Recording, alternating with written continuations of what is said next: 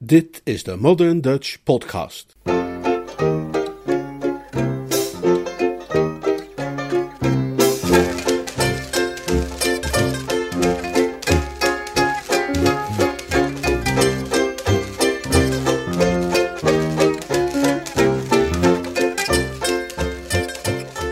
De juiste aanpak.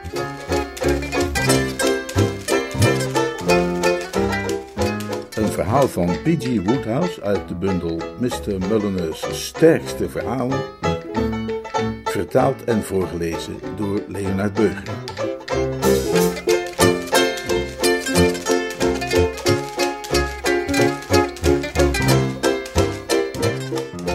Het onderwerp tijdschriftverhalen kwam heel onverwacht ter sprake in de salonbar van de rustende hengelaar.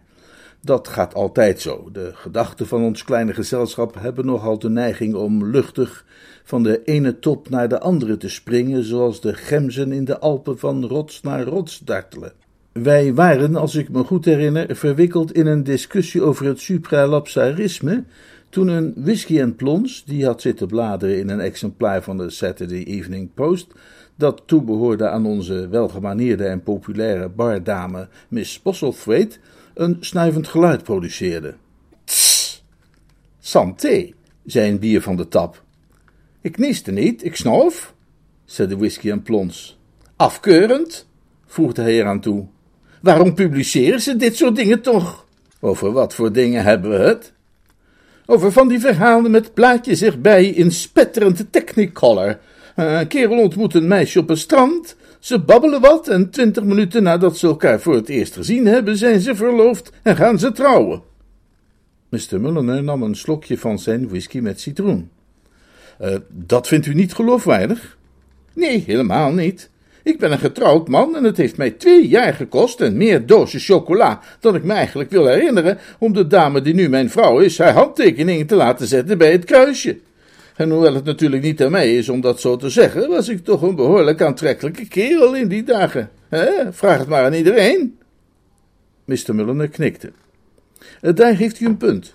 Maar voor de hoofdredacteur van de Saturday Evening Post gelden verzachtende omstandigheden. Die man leeft in zijn eigen wereldje en gelooft werkelijk dat twee volkomen vreemden elkaar op het strand kunnen ontmoeten in badkostuum en hun allereerste gesprek kunnen afronden met een verloving. Hoewel dat in het dagelijks leven, zoals u zegt, maar zelden gebeurt. Zelfs bij de Mulliners, van wie toch de meesten op het eerste gezicht verliefd zijn geworden, is het allemaal niet zo gladjes verlopen. Ze hebben allemaal hun mouwen flink op moeten stropen en aardig wat voorbereidend werk moeten verzetten. Een goed voorbeeld is het geval van mijn neef Augustus. Ontmoette hij vaak meisjes in badkleding op het strand? Regelmatig. Maar de ware liefde vond hij op een liefdadigheidsbazaar in een huis genaamd Balmoral op Wimbledon Common, waar hij Hermione Brimble voor het eerst zag en voor haar viel met een dreun die minstens tot aan Putney Hill te horen was. Het kwam doordat zijn grootmoeder zo dol was op bazaars, zei Mr. Mulliner dat Augustus terecht was gekomen in de tuin van huizen Balmoral. En het is ironisch om te bedenken dat toen zij hem beval haar daarheen te begeleiden, hij behoorlijk de smoor in had, want hij was eigenlijk van plan geweest naar de paardenrennen te gaan op Campton Park, om in de race van half drie met woord en gebaar een zeker paard aan te moedigen, in wiens lotgevallen hij een niet geringe interesse had. Zijn ongenoegen duurde echter niet lang. Het verdween onmiddellijk bij de aanblik van een dermate verrukkelijk meisje, dat toen zijn blik op haar viel, zijn hoge hoed begon te wiebelen op zijn hoofd, en hij met een snelle beweging nog maar net kon voorkomen dat zijn paraplu plomp verloren uit zijn handen viel. Kijk, kijk, zei hij tegen zichzelf, terwijl hij haar zorgvuldig bestudeerde. Dat opent geheel nieuwe perspectieven. Zij voerde de scepter over een stalletje dat stond opgesteld in de schaduw van een hoge ceder op een hoek van het gazon. En zodra hij zijn ledematen weer voldoende onder controle had, haastte hij zich daarheen en begon alles te kopen wat hij daar zag. Na aanschaf van een theemuts, twee teddyberen, een inktlap, een vaas met kunstbloemen en een gefiguurzaagd pijpenrekje, meende hij wellicht voldoende tot de club te behoren om een praatje te mogen maken.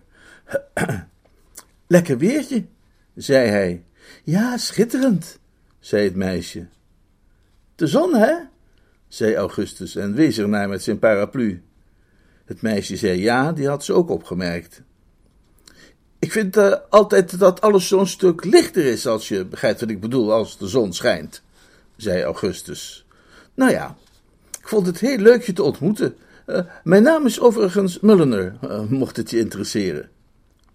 Het meisje zei dat haar naam Hermione Brimble luidde, en nadere informatie leerde hem dat zij daar woonde met haar tante, Mrs. Willoughby Gudgeon. Augustus vroeg zich juist af of hij haar meteen met Hermione zou durven aanspreken, of dat het misschien beter was daar nog een paar minuten mee te wachten, toen er een ontzagwekkende dame uit de fregatklasse aankwam zeilen. Zo, lieverd, zei ze, hoe gaat het hier? Het meisje dat haar aansprak met tante Beatrice antwoordde dat de markt traag was geopend, maar dat de verkoop recentelijk sterk was gestegen dankzij een grote investeerder. Mr. Mulliner, zei ze, en wees op Augustus, die op één been stond te leunen met een behaagzame blik op zijn gezicht. Mulliner, vroeg Mrs. Gudgeon, bent u familie van de bisschop van Bogor? Dat was eertijds de eerwaarde Theophilus Mulliner. Wij waren hecht bevriend toen ik nog een jong meisje was. Augustus hoorde voor het eerst van de betreffende prelaat, maar hij wilde geen enkele kans voorbij laten gaan, al was het maar een kleintje, om een wit voetje te halen. Oh, ja, natuurlijk, een neef van mij, maar ik noem hem altijd oom Phil. Ik heb hem al een poosje niet meer gezien. Hoe gaat het met hem? Oh, prima, fris als een hoentje. Ik ben blij je te horen. Hij had altijd nogal veel last van een zogenaamde prekerskeel, net als de vader van mijn nichtje Hermione, wijlen de bisschop van Stotford, zei Mrs. Gudgeon. En het was op dat moment dat Augustus de beslissing nam die hem zou onderdompelen in wat Shakespeare noemt een vloed van moeilijkheden. Dit meisje, zei hij tegen zichzelf, is de dochter van een bisschop en ziet eruit als iets op een gebrandschilderd raam een zuivere, blanke ziel als nooit eerder gezien. Haar tante was het soort vrouw dat omging met hele kuddes prelaten en kerkvorsten. Het was duidelijk dat een reputatie van vrome rechtschapenheid hem behulpzaam zou kunnen zijn in zijn romantische ambities. Tot nog toe had hij een nogal uitbundig leven geleid, met niet minder dan drie boetes op zijn naam voor verstoring van de openbare orde tijdens de jaarlijkse avond van de grote roeiwedstrijd tussen Oxford en Cambridge. Maar hij nam zich ter plekke voor zijn leven te beteren en zich voortaan zo vroom en rechtschapen te gedragen dat zowel het meisje als haar tante hun adem bewonderend zouden inhouden als ze hem bezig zagen. Toen de tante zei dat de opbrengst van deze bazaar bestemd was voor de Wimbledonse Bond voor Sociale Moraliteit, zag hij zijn kans schoon. Hij zorgde voor ademsteun en brandde los. Hij zei dat hij blij was dat zij de sociale moraliteit zo'n mooie opsteker gaven, want daar was hij erg voor en dat was hij altijd al geweest. Er waren ook jongelui, ging hij verder, die sociale moraliteit niet eens zouden herkennen als je ze die op een zilveren blaadje aanbood maar met dat soort types wilde hij niets te maken hebben. Mooi weer en een flinke dosis sociale moraliteit, dan was hij helemaal tevreden. Dan hoorde je hem niet meer. Dan kon je erop rekenen dat hij zich verder wel vermaakte. En het duurde op die manier niet lang voordat Mrs. Willoughby hem van harte uitnodigde toch vooral eens wat vaker langs te komen. Een uitnodiging waarvan hij van plan was een gretig gebruik te maken. Op de gebeurtenissen in de weken die daarop volgden hoef ik niet al te gedetailleerd in te gaan. Ik kan volstaan met te zeggen dat Augustus bij ieder van zijn bezoeken aan Balmoral een engelachtige rechtschapenheid vertoonde, die niet onbesproken zou zijn gebleven op een pan-Anglikaanse synode. Hij bracht serieuze boeken mee voor Hermione. Hij sprak over zijn idealen, Verschillende keren wees hij tijdens de lunch een tweede portie van de gebraden eend met ertjes of wat het zijn mocht van de hand, waarbij zijn houding suggereerde dat al dat soort geneugden hem toch eigenlijk wat te aards waren, te weinig spiritueel. En het was hem duidelijk dat hij terecht had verondersteld dat dit de juiste aanpak was, want soms zag hij hoe het meisje merkwaardig peinzend naar hem keek, alsof ze zich afvroeg of hij wel werkelijkheid kon zijn. Hij was ervan overtuigd dat de liefde in haar opbloeide. In de beginstadia van zijn hofmakerij maakte hij zich vaak erg ongerust over de aanwezigheid op het Balmoral van Mrs. Gudgeon's stiefzoon Oswald Stoker, een jongeman die romans schreef en die anders dan de grote meerderheid der romanschrijvers er nu eens niet uitzag als iets dat de kat s'nachts op de mat had gelegd, maar een buitengewoon presentabele verschijning vormde. Ook was het een vlotte en vrolijke kerel. Hij woonde niet op Balmoral, maar hij kwam er vaak, en telkens wanneer hij daar tegelijkertijd met Augustus was, werd die laatste pijnlijk getroffen door zijn kennelijk hartelijke verhouding tot Hermione.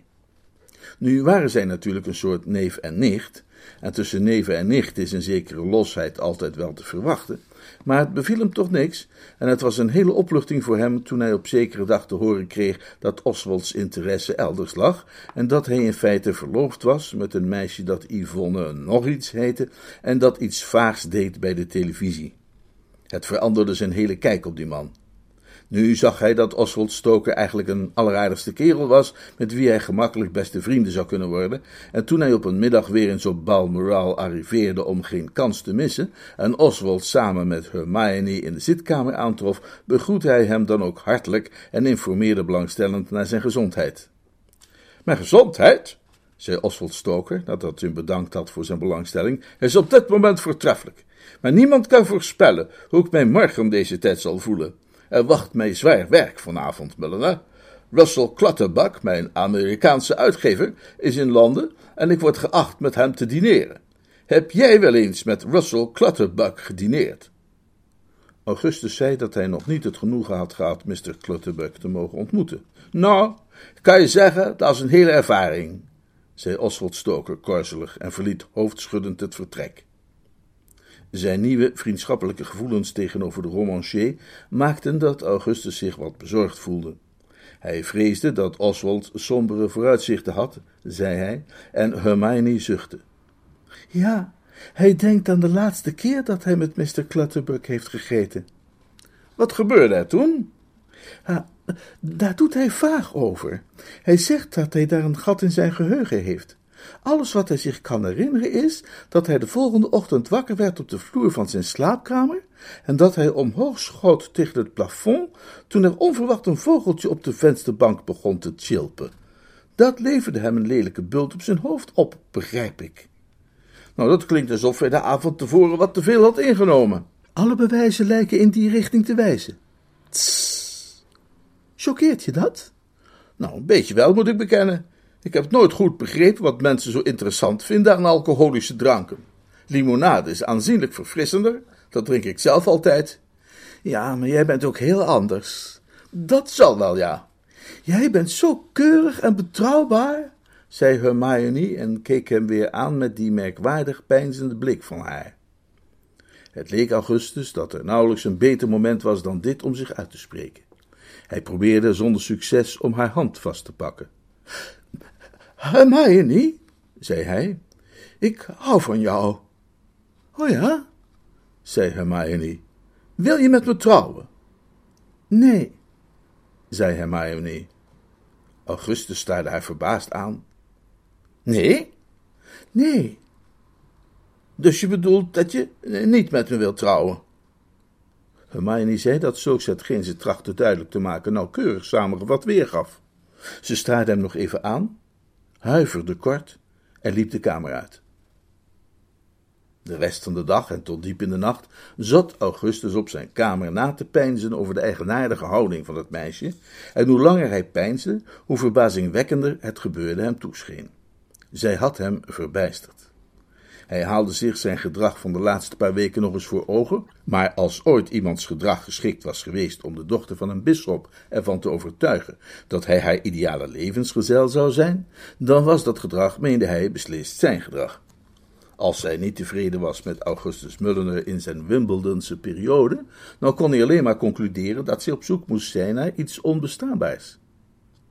Het was tegen één uur in de nacht dat hij tot de slotsom kwam dat ze niet gemeend had wat ze zei. Dat haar meisjesachtige bescheidenheid haar part had gespeeld in de keuze van haar woorden, en besloot hij dat hij die theorie onmiddellijk wilde testen. Het uur was een tikje gevorderd, maar de onstuimige minnaar houdt geen rekening met de klok. Zoals alle Mulleners was Augustus een man van de daad. Hij sprong op van zijn stoel, sprong naar zijn hoed, sprong de straat op, sprong in een passerende taxi en liet zo'n veertig minuten later de deurbel rinkelen van huizen Balmoral. Na een aanzienlijke wachttijd werd de deur geopend door Staniforth, de butler, gekleed in pyjama en ochtendjas. Zijn houding was een tikkeltje kortaf, Augustus had geen idee waarom, en het was op bijna bruske toon dat hij mijn neef meldde dat Mrs. Gudgeon en Hermione het sociale moraliteitbal bijwoonden op het stadhuis en dat zij voorlopig nog niet thuis zouden komen. Dan zal ik binnen op ze wachten, zei Augustus. In die voorspelling vergiste hij zich. Nog voor hij uitgesproken was, sloeg de deur voor hem dicht en stond hij daar alleen in de stille nacht. Een hartstochtelijk minnaar die alleen achterblijft in de stille nacht, in de tuin van de tante van het meisje dat hij bemint, zegt niet tegen zichzelf: Tja, hm, nou, dan hou ik het maar voor gezien en gaat naar huis om zijn bed op te zoeken. Nee, de hartstochtelijke minnaar loopt een paar passen naar achter en staart eerbiedig omhoog naar het venster van zijn geliefde. En als hij, net als Augustus, niet weet welk raam het venster is van zijn geliefde, dan staat hij eerbiedig naar alle vensters om de beurt.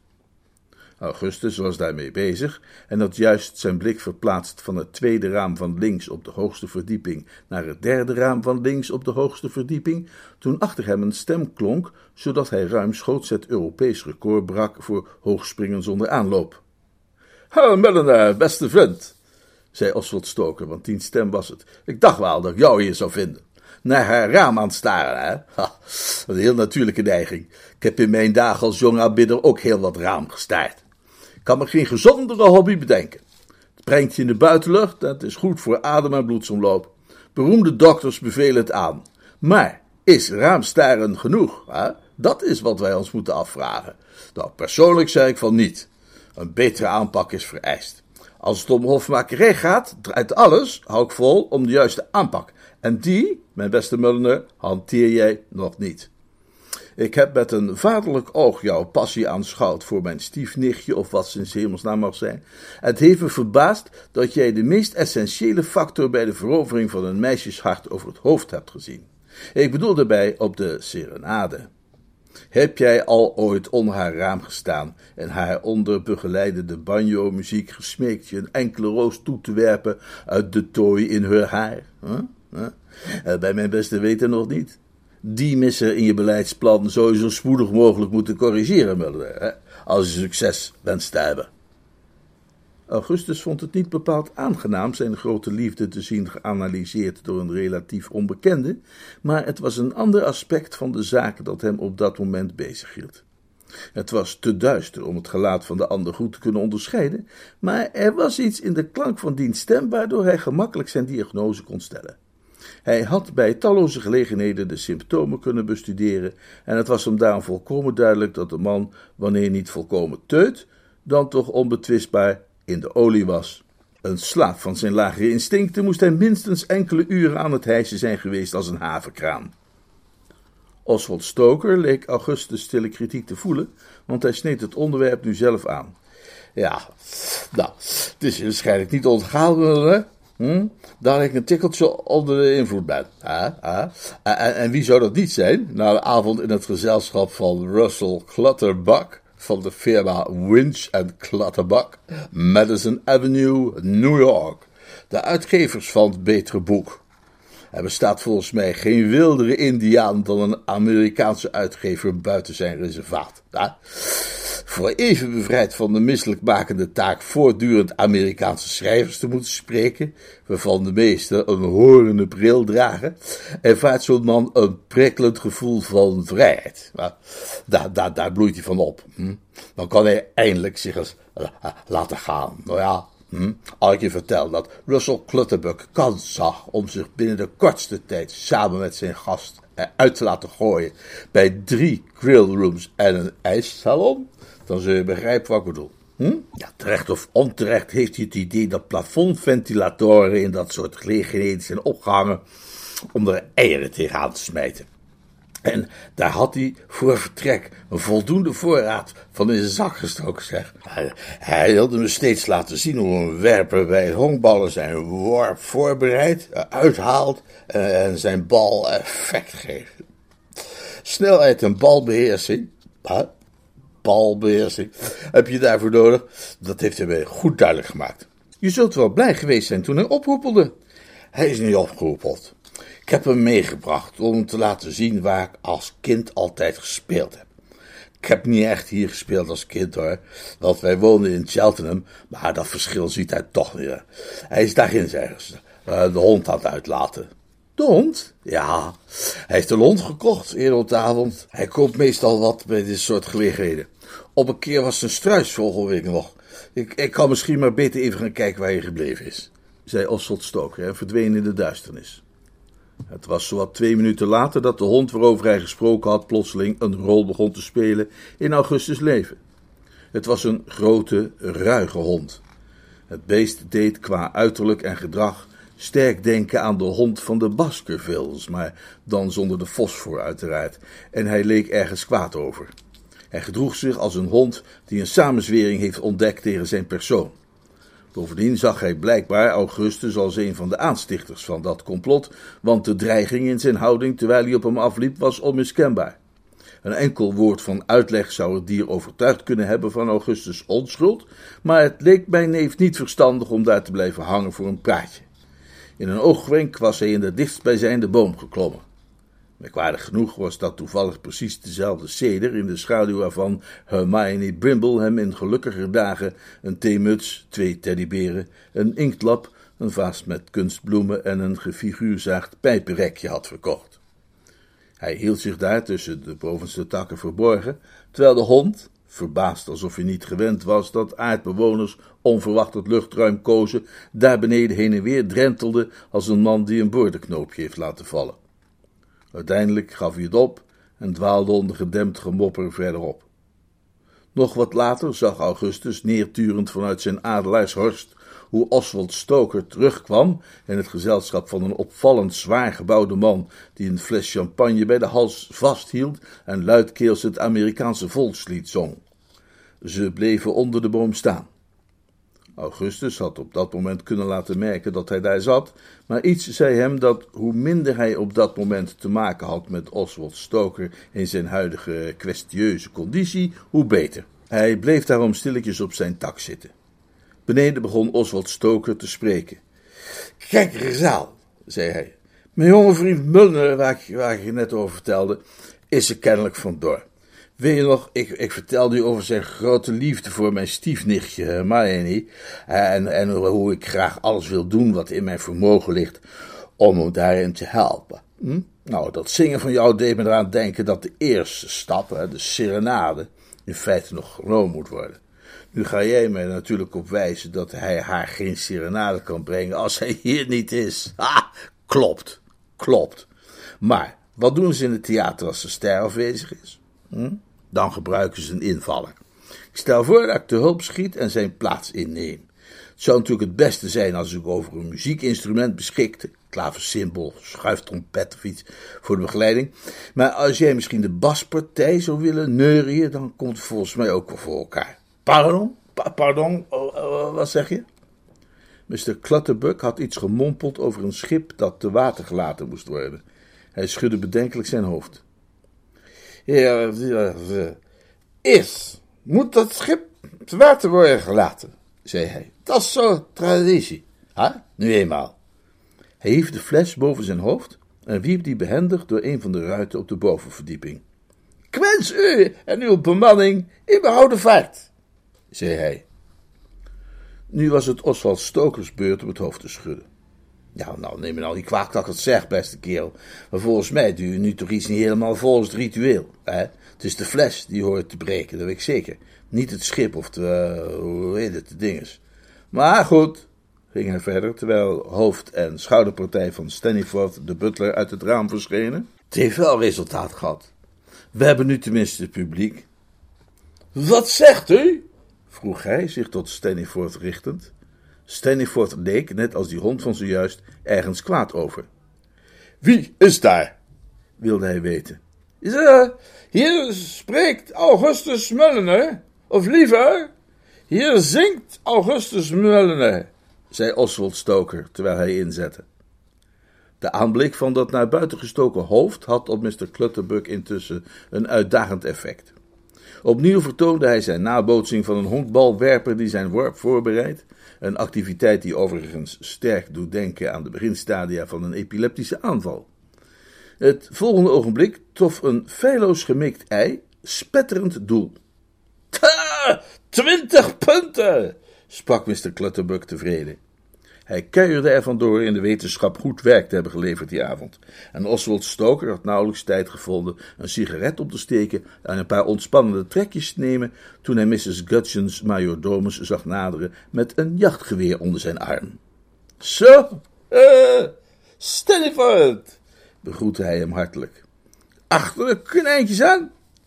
Goedenavond. Stoker. Ik ben op zoek naar de heer zei de butler met een kille dreiging in zijn stem. Ah, Mulliner, hè? Ja, die was hier net nog. Viel mij op, viel mij op. Hij mij is voor nodig. Hij moet worden overmeesterd en in verzekerde bewaring gesteld voordat de dames thuis komen. Hoezo? Wat heeft hij gedaan? Hij heeft onder mijn raam staan zingen. Nou, klinkt op de eerste gehoor als een compliment. Was, wat was de strekking van zijn lied? Als ik goed begrepen heb, meneer, verzocht hij mij een roos toe te werpen uit de tooi van mijn haar. Maar dat heb je niet gedaan. Nee, meneer. Heel goed. Rozen zijn duur. Hij heeft ook een ei naar mij gegooid. Oh, vandaar dat je dat struif op je gezicht hebt. dacht even dat je misschien een schoonheidskuur aan het doen was weer, hoor. Als, als een soort klein masker, maar... Nou, nou, nou ja.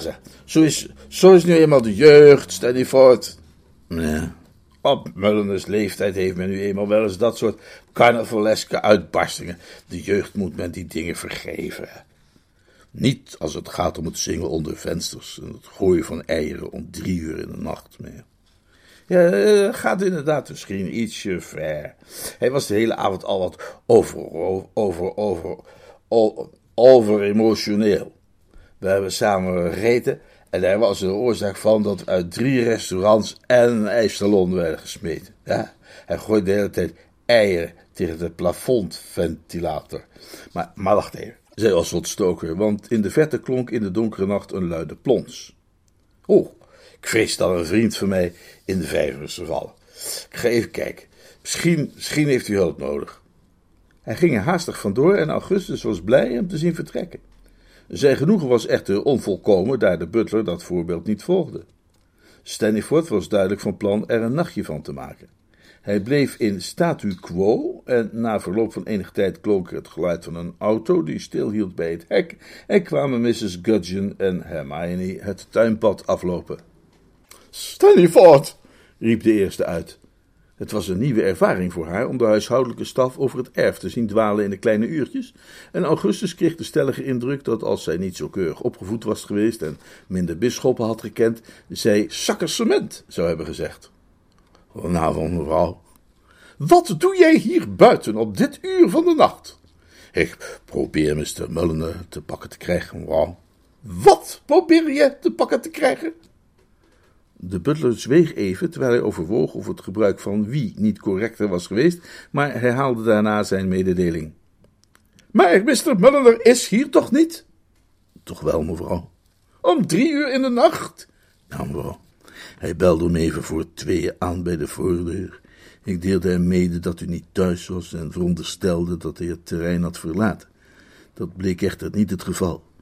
Tien minuten geleden wierp hij een fles champagne door mijn venster naar binnen, en toen ik daarop naar buiten keek, verzocht hij mij hem een roos toe te werpen uit de tooi in mijn haar. Hij trof mij vervolgens in het linkeroog met een ei. Het leek Augustus toe of hij Hermione een geschrokken kreetje hoorde uiten, maar dat ging goed deels verloren in het verbaasde snuiven van Mrs. Gudgeon. Deed Mr. Mulliner dat? Ja, mevrouw. Ik begreep van de heer Stoker, met wie ik zojuist kort in gesprek was, dat hij zich al de hele avond in die trant had gedragen. Hij maakte deel uit van het gezelschap waarmee Mr. Stoker dineerde. En Mr. Stoker zei mij dat Mr. Mulliner er de oorzaak van was dat hij en zijn vrienden bij drie restaurants en ijsalon werden verzocht te vertrekken. Mr. Stoker schreef het gedrag van Mr. Mulliner toe aan diens jeugdige uitbundigheid en suggereerde dat men dergelijk gedrag bij jongeren vergeeflijk zou moeten achten. Ik moet bekennen dat ik zijn verdraagzame opvattingen in deze niet kan delen. Mrs. Grudgeon bleef enige tijd stil. Zij was kennelijk bezig haar mentale houding aan deze onthullingen aan te passen. Het is nooit eenvoudig wanneer een vrouw zich moet realiseren dat zij een adder aan haar boezem heeft gekoesterd, met in dit geval mijn neef Augustus in de rol van de gekoesterde adder. Maar uiteindelijk leek het aanpassingsproces voltooid. Zij nam op bittere toon het woord. De volgende keer dat de heer Mulliner op bezoek komt, Stannyforth, ben ik niet thuis. Uh, wat was dat? Oh, ik dacht dat ik een gekreun hoorde. Wellicht het geruis van de wind in de bomen. Misschien heb je gelijk. De wind kan inderdaad zo ruisen in de bomen. Hoorde jij het niet, Hermione? Ja, ik, ik dacht ook iets te horen. Een gekreun? Nou, meer een gesteun, zou ik zeggen. Gekreun of gesteun? zei Mrs. Gudgeon, die daar niet moeilijk over wilde doen, als het treuren van een gekwelde ziel. Ze onderbrak zichzelf, want uit de schaduw kwam een gestalte naar voren. Oswald! Oswald Stoker wuifde haar hartelijk toe. Hallo daar, hallo, hallo, hallo, hallo. Wat doe jij hier? Ik rond een genoeglijke avond af. Oh, uh, en voor ik het vergeet, mijn uitgever is in de vijver gevallen. En zit nu in de broeikas om vee op te drogen. Dus als u daar toevallig heen gaat en u ziet een blote uitgever, nou, doe dan maar of u niets gewerkt hebt. Oswald, je bent beschonken. Dat is, praktisch onmogelijk om, om, om, om, dat niet te zijn, hoor, zei Oswald Stoker ernstig. Als je hebt gedineerd met Russell Clutterbuck van Clutterbuck en Winch, uitgevers van het betere boek. En je medegast is Augustus Muller. Naar hem ben ik trouwens op zoek, want ik moet hem even waarschuwen voor die kudde paarse neushoorns bij de vijver. Rhinocerie. Hartstikke gevaarlijke beesten, die paarse neushoorns. Vooral in de paartijd. De bronst. Bijt in je benen als je er alleen maar naar kijkt. Nu sprak Hermione en haar stem trilde. Oswald! Toodaloo! Is het waar wat Stannyforth zegt over Mr. Mulliner? Wat zei hij dan? Dat Mr. Mulliner onder zijn raam heeft staan zingen en, en eieren naar hem heeft gegooid? Klopt, als een zwerende vinger. Dat heb ik zelf gezien. Mrs. Gudgeon blies zich geweldig op. Ik ga die Mr. Mulliner morgen een hele pittige brief schrijven. Reken daarop. In de derde persoon. Nooit wil ik die man meer zien in mijn huis. Ho, hoor, dat was een gekreun. Ik weet zeker. Het spookt hier in deze tuin, als je het mij vraagt. Ze wilde weglopen en Oswald Stoker zag het ongerust aan. U, u, u, gaat nog niet naar de, naar de broeikas, hè? Ik ga naar mijn kamer. Breng me daar een glas warme melk, Stanley Uitstekend, mevrouw. Ze liep in de richting van het huis, gevolgd door de butler, en Oswald Stoker wendde zich ongerust tot Hermione, die in een onbeheerst gesnik was uitgebarsten. Hé hey daar, zei hij, is er, is er iets mis? Het lieve kind reutelde als een lekkende radiator. Nou, daar kun je gerust je sokophouders in Eton kleuren onder verwedden dat er iets mis is. Ik heb de man waar ik van hou verloren. Waar hebben we hem voor het laatst gezien? Hoe kon ik weten, ging Hermione verder met van spijt trillende stem, dat Augustus Mulliner in werkelijkheid zo'n kanjer was? Ik hield hem voor een druiloor, een natte dweil, maar al die tijd was hij eigenlijk een stoere gozer die butlers met rauwe eieren bestookt en ramen ingooit met flessen champagne. Ik had nooit durven dromen dat hij die diepere kanten ook bezat.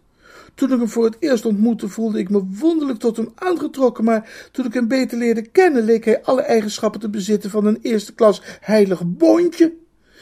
Ik had hem al afgeschreven als een Jan Hannes. In romantisch opzicht leek hij mij zo spannend als zo'n gaper van de drogist, een massief houten kop. En nu merk ik pas dat hij om de een of andere reden zijn licht onder de korenmaat verborgen heeft gehouden, zoals mijn vader zou zeggen. Oh, oh, wat moet ik nu toch doen? Ik hou van hem. Ik hou van hem.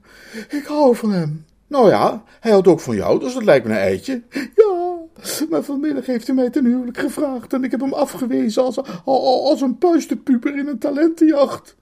Dan stuur hem toch een beleefd briefje om te zeggen dat je je bedacht hebt. Te laat. Zo'n fantastische man als hij is inmiddels natuurlijk al lang door een ander meisje ingepikt. Oh, oh, wat moet ik? Er had nog iets achteraan moeten komen, waarschijnlijk nu toch doen. Maar die woorden werden hij van de lippen gevaagd als met een natte spons. Vanuit de boom waaronder ze stond, riep nu een stem hartstochtelijk: Hoi! En toen ze opkeek, zag ze het gezicht van mijn neef. Oh, as, as! riep ze uit. Zijn plotselinge verschijning had haar nogal heftig op haar tong doen bijten. Ha, Mulner, zei Oswald Stoker, aapjes spelen? Zeg, brulde Augustus, ik heb gehoord wat je zei. Meende je dat? Nou, of... Ja, ja. Dus je houdt echt van mij? Natuurlijk hou ik van jou. Wil je met me trouwen? Je zou me nog niet kunnen tegenhouden met een machinegeweer. Dus, om het even helder te krijgen, begrijp je, eh, dan zou jij het dus ook wel goed vinden als ik naar beneden zou klimmen om je opgeheven gezichtje te bedelven onder gloeiende kussen? Daar ben ik helemaal voor. Mooi, precies. Ik ben zo bij je. Terwijl zij een omhelzing uitprobeerde die, als hij in een film was voorgekomen, tot hevige discussies zou hebben geleid bij de filmkeuring en waarschijnlijk tot het couperen van tientallen meters film, slaakte Oswald Stoker een kleine zucht van ontroering. Hij was zelf een verloofd man en zag graag hoe twee harten die van elkander waren vervreemd, weer gloeiend aaneen werden gesmeed. Ha, zo, zei hij, dus jullie gaan trouwen, hè? Een ferme stap eh, op jullie levenspad, niet, jongelui? Neem daarom dan deze simpele kickforce van mij aan, zei Oswald Stoker en drukte het amfibie in Augustus' hand. Het is mijn huwelijksgeschenk, lichtte hij toe. Pover presentje misschien, maar recht uit het hart. En het is tenslotte de gedachte die telt, vinden jullie ook niet? Nou, goeiedag. God zegen jullie. Ik moet maar eens gaan om uit te zoeken hoe het met Russell Clutterbuck gaat. Hebben jullie ooit een Amerikaanse uitgever in een broeikast zien zitten met niets anders aan zijn lijf dan een horende bril? Wel kostelijk gezicht. Zij het niet aan te bevelen voor minder valide en zenuwpatiënten. Hij verdween in het duister. Augustus staarde wat twijfelachtig naar de kikvors. Hij had hem niet echt nodig, maar het leek hem ook weer een beetje ondankbaar om zomaar weg te gooien. Hij kreeg een inval. Lieveling. Ja, engeltje. Ik vroeg me af, schatje vallen, of jij weet waar de kamer is van die butler. Maar natuurlijk, mijn held, hoezo? Ik dacht dat het misschien een goed idee zou zijn om die kikvoors in zijn bed te stoppen voordat hij gaat slapen. Ja, het is maar een voorstel natuurlijk. Geweldig voorstel. Kom mee, man van mijn dromen, zei Hermione. Dan gaan we eerst even kijken of we niet nog een paar mooie dikke padden bij kunnen vinden.